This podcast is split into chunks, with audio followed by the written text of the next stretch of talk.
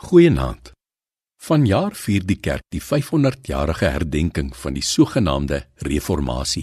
Ons herdenk die feit dat 'n ene Martin Luther 500 jaar terug deur die leiding van die Heilige Gees die lig gesien het, sy Godgegewe insig toe op papier gesit het en hierdie goeie nuus op die kennisgewingbord van die dorpie Wittenberg in Duitsland, die kerkdeur, gaan aanbring het. Die mense kon toe in verstaanbare Duits lees dat die Bybel sê dat God se genade en vergifnis vrylik vir almal beskikbaar is.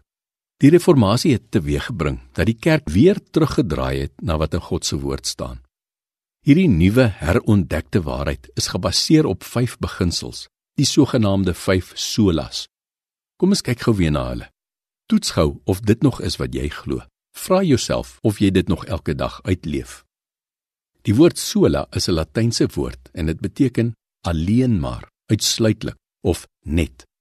My persoonlike definisie van die 5 solas is die volgende: Sola scriptura, net die woord alleen. Ek baseer dit wat ek glo uitsluitlik op die Bybel en aanvaar dit as die volledige woord van God.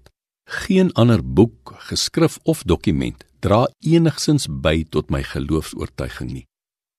Sola fide, net geloof alleen.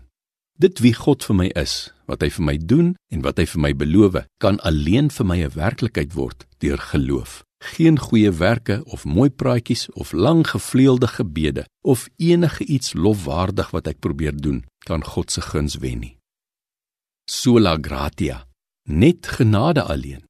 Die feit dat ek as sondaar wat die dood en die hel verdien, vergewe is, kwytgeskeld is van my skuld en 'n verwagting het op die ewige lewe, is as gevolg van God se suiwer genade alleen. Geen smeekgebede van myself of ander sogenaamde heiliges, geen offers, geen toewydings of my eie goeie lewe of enigiets anders het enige bydra daartoe nie. Solus Christus, net Christus alleen.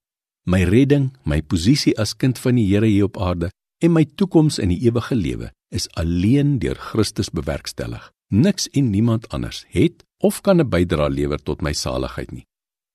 Soli Deo Gloria, glorie aan God alleen.